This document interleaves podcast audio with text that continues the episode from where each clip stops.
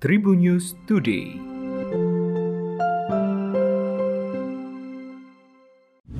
Halo Tribuners, berjumpa kembali bersama Hakim di Tribun News Today. Hakim akan berbagi informasi menarik hari ini, mulai dari informasi nasional, regional, selebritis, dan olahraga. Informasi pertama, Hati-hati komplotan penipu yang mencatat atas nama redaksi Tribun Network dan berpura-pura sebagai reporter tribunnews.com atau tribunjakarta.com yang telah memeras sejumlah orang.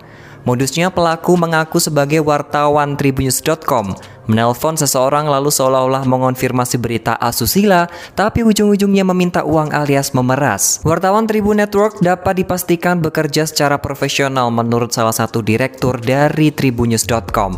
Tribun Network mengelola media cetak maupun media online terbesar di 34 provinsi di seluruh Indonesia. Berdasarkan data hingga April 2022 terdapat sekitar 1411 wartawan yang tersebar di 471 kabupaten kabupaten dan kota se-Indonesia. Diungkapkan manajemen Tribun Network menerima banyak keluhan dan aduan terkait penipuan dan pemerasan mencatut nama tribunnews.com. Pelaku diduga merupakan sebuah komplotan. Pelaku merupakan seorang perempuan yang menggunakan telepon seluler menghubungi korban melalui video call aplikasi komunikasi sosial. Ia menggunakan aplikasi Snapchat dan juga WhatsApp. Setelah komunikasi tersambung dan terjadi perbincangan melalui video call, tiba-tiba si perempuan menanggalkan pakaiannya. Ketika korban masih berkomunikasi sambil melihat layar, pelaku dan komplotannya merekam hasil tangkapan layar tersebut. Hasil tangkapan layar itu tampak wajah korban sedang melihat perempuan tanpa busana. Informasi kedua, Gubernur Jawa Tengah Ganjar Pranowo menjelaskan mengenai penanganan tanggul laut yang jebol di Tanjung Mas Semarang. Selain sumber luberan pada tanggul jebol, penanganan rob tinggi di kawasan pelabuhan Tanjung Emas Semarang itu juga dilakukan pada titik-titik lainnya yang berpotensi terjadi luberan air pasang. Ganjar Pranowo kembali meninjau beberapa titik yang tergenang air rob dia menjelaskan saat ini penanganan telah berlangsung. Khusus penanganan di kampung ujung laut itu Ganjar meminta agar membuat tanggul di antara PT Janata Marina Indah dengan PT Optima Sinergi Konvestama. Sebab di tempat itulah terdapat titik luapan air laut. Usai dari kampung ujung laut dan sekitar pos 1 pelabuhan Tanjung Emas Semarang, Ganjar juga melihat kondisi tembok penahan atau tanggul yang jebol di kawasan PT Pinnacle Apparels.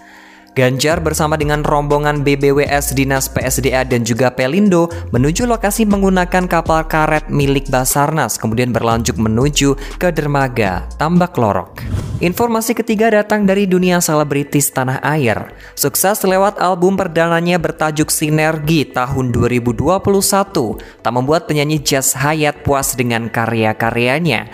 Jazz Hayat pun merilis single yang kedua berjudul Transisi yang berisi 8 lagu di bawah naungan label Sony Music Indonesia. Jazz Hayat senang akhirnya album keduanya rilis karena ia ingin terus melahirkan sebuah karya untuk para penggemarnya. Pria berusia 29 tahun itu mengakui album transisi ia memaknai sebagai proses pendewasaan dirinya dalam bermusik yang tak lagi melahirkan tentang lagu cinta yang menye-menye saja. Alasan pria asal Brunei Darussalam itu melahirkan sebuah karya yang lebih dewasa karena ia ingin keluar dari zona nyamannya dalam bermusik. Jas mengaku tidak ada ketakutan yang berarti ketika dirinya harus mengubah tema dan warna lagu yang berbeda dari biasanya. Informasi terakhir terkait dengan SEA Games Vietnam 2022.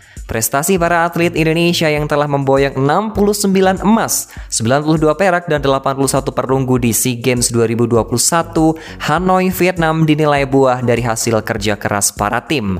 Torehan ini membuat kontingen Indonesia menempati posisi ketiga di klasmen akhir perolehan medali SEA Games 2021 Vietnam. Pada SEA Games 2021 yang digelar di Vietnam berhasil meraih juara pertama dengan perolehan 446 medali yang terdiri dari 206 medali emas, 125 medali perak dan 116 perunggu. Thailand berada di peringkat kedua dengan koleksi 331 medali dengan rincian 92 emas, 103 perak, dan 163 perunggu. Dan Indonesia berada di posisi ketiga dengan 241 medali yang terdiri dari 69 emas, 92 perak, dan 81 perunggu.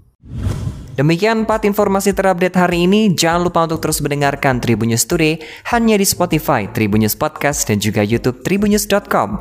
Tetap patuhi protokol kesehatan 3M dengan memakai masker, mencuci tangan, dan menjaga jarak atau menjauhi kerumunan. Saya Hakim pamit, salam sehat untuk semua, dan sampai jumpa. Tribun News Today